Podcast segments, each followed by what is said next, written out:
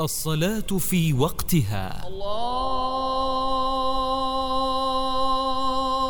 أكبر الله. الصلاة ركن الإسلام الثاني وأعظم شعائر الدين.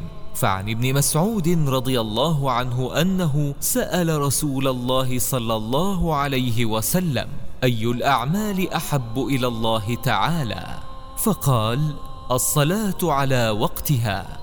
قال ثم أي قال ثم بر الوالدين قال ثم أي قال الجهاد في سبيل الله.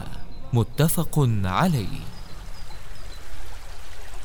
خرج عمر بن الخطاب رضي الله عنه يوما إلى حائط له فرجع وقد صلى الناس العصر فقال عمر إنا لله وإنا إليه راجعون فاتتني صلاة العصر في الجماعة. أشهدكم أن حائطي على المساكين صدقة ليكون كفارة لما صنع رضي الله عنه. حي على الصلاة حي على الفلاح.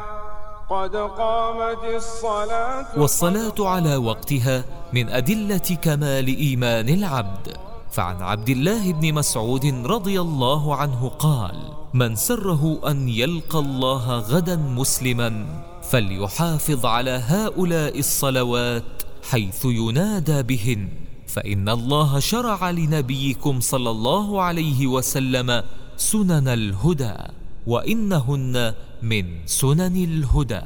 أخرجه مسلم.